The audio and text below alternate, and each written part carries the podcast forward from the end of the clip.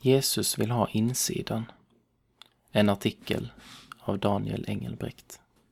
Utsidan syns och hörs och är ofta det som andra lägger märke till. Vi kan lägga mycket energi på att visa upp en fin fasad eller verka smarta och intressanta. Men Jesus tänker annorlunda. Han ser till insidan och bryr sig mycket mer om den. Och det menar han att också du behöver göra. Han som brukar sitta djupt nedsjunken i tv-soffan flyger plötsligt upp mitt under matchen och förklarar med all tänkbar tydlighet hur uselt spel det är. I rummet bredvid muttrar någon. Gör det bättre själv då, din soffpotatis. I ett annat hus har man väldigt tydliga åsikter om hur lärare ska bete sig. Och i ett tredje hus om hur dumma politikerna är. Det är ganska enkelt att tycka till och förstå sig på saker, så länge man slipper göra det själv. Det är enkelt att verka övertygad, smart eller duktig, så länge vi inte behöver testa det i verkligheten, för då riskerar vi att bli genomskådade. Så kan det vara med våra andliga liv också. Jesus avslöjar. Jesus mötte ofta detta ytliga resonemang bland religiösa ledare under sin tid på jorden. Dessa trivdes väldigt bra med att folk såg upp till dem. Att ha titeln farisé eller överstepräst var fint och därmed tyckte de sig ha rätt att kritisera Jesus. Han ansågs vara för simpel.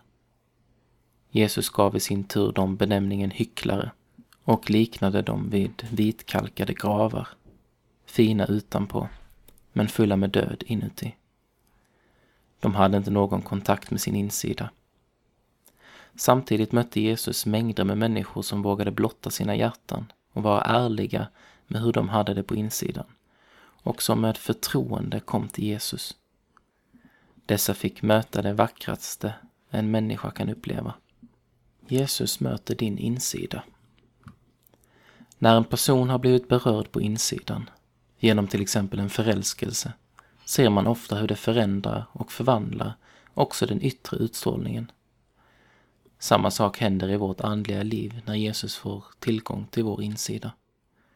Han önskar inget hellre än att våra försvarsmurar och rädslor ska falla och han ska få beröra oss på djupet. Han vill blåsa in nytt friskt liv, utgjuta sin ande och älska oss så att helande och helgelse får växa fram.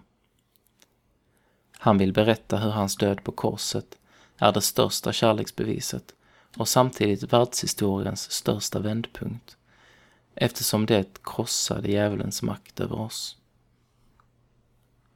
Gud vill tala. Han berättar detta för oss genom de så kallade nådemedlen.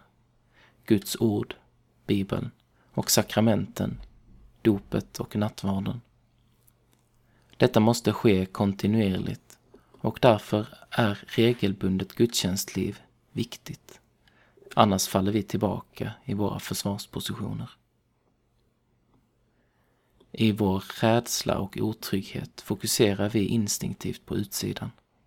Jesus gör tvärtom.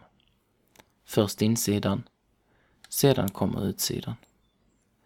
Andlig frid kommer alltid från Gud till ett öppet hjärta och kan senare synas på utsidan och i trygghet och självförtroende. Ty det är Herren som ger vishet. Från hans mun kommer kunskap och förstånd. Ordspråksboken 2, vers 6. Inifrån och ut. Bibelns poetiska böcker, inte minst Saltaren och Ordspråksboken, lovsjunger om vad som händer när Gud får beröra vår insida genom sitt ord. Saltaren 1. Salig är den som inte följer de ogudaktigas råd, utan har sin glädje i Herrens undervisning och begrundar hans ord dag och natt. Han är som ett träd som bär frukt i rätt tid och vars blad inte vissnar. Allt han gör lyckas väl. Och Ordspråksboken 16, vers 20. Den som ger akt på ordet finner det goda. Lycklig den som förtröstar på Herren. Även Jesus liknade oss vid grenar som måste sitta fast på stammen för att bära frukt.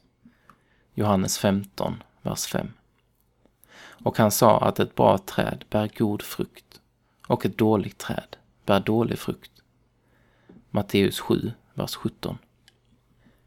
Det som syns på utsidan är alltså hela tiden en konsekvens av hur det står till på insidan. Det viktiga är om trädet är planterat på ett bra ställe, om det har djupa rötter och tillgång till vatten och näring. Att hänga upp fina äpplen i ett dött äppelträd gör ju inte trädet mer levande.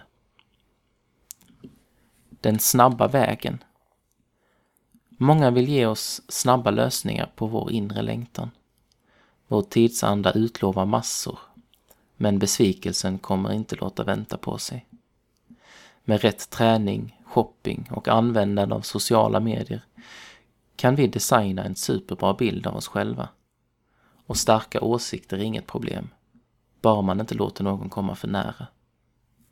Men det som Jesus har att erbjuda går förbi vår tids mallar och har som syfte att du ska få uppleva något mycket bättre, verklig frid. Låt det ta tid. Goda rutiner är en grundläggande regel i den kristnes kamp mellan ett ytligt trosliv och en Jesusfylld insida. Din insida behöver näring.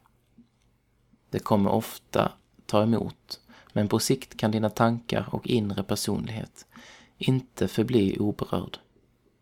Använd de hjälpmedel som kristna samfund erbjuder genom tidningar, webbsidor, bibelläsningsplaner och inte minst ungdomssamlingar och lokala gudstjänstgemenskaper. Ett liv som på detta sätt får präglas av Jesus ständiga renovering av insidan är det vackraste som finns. Låt det få ta tid.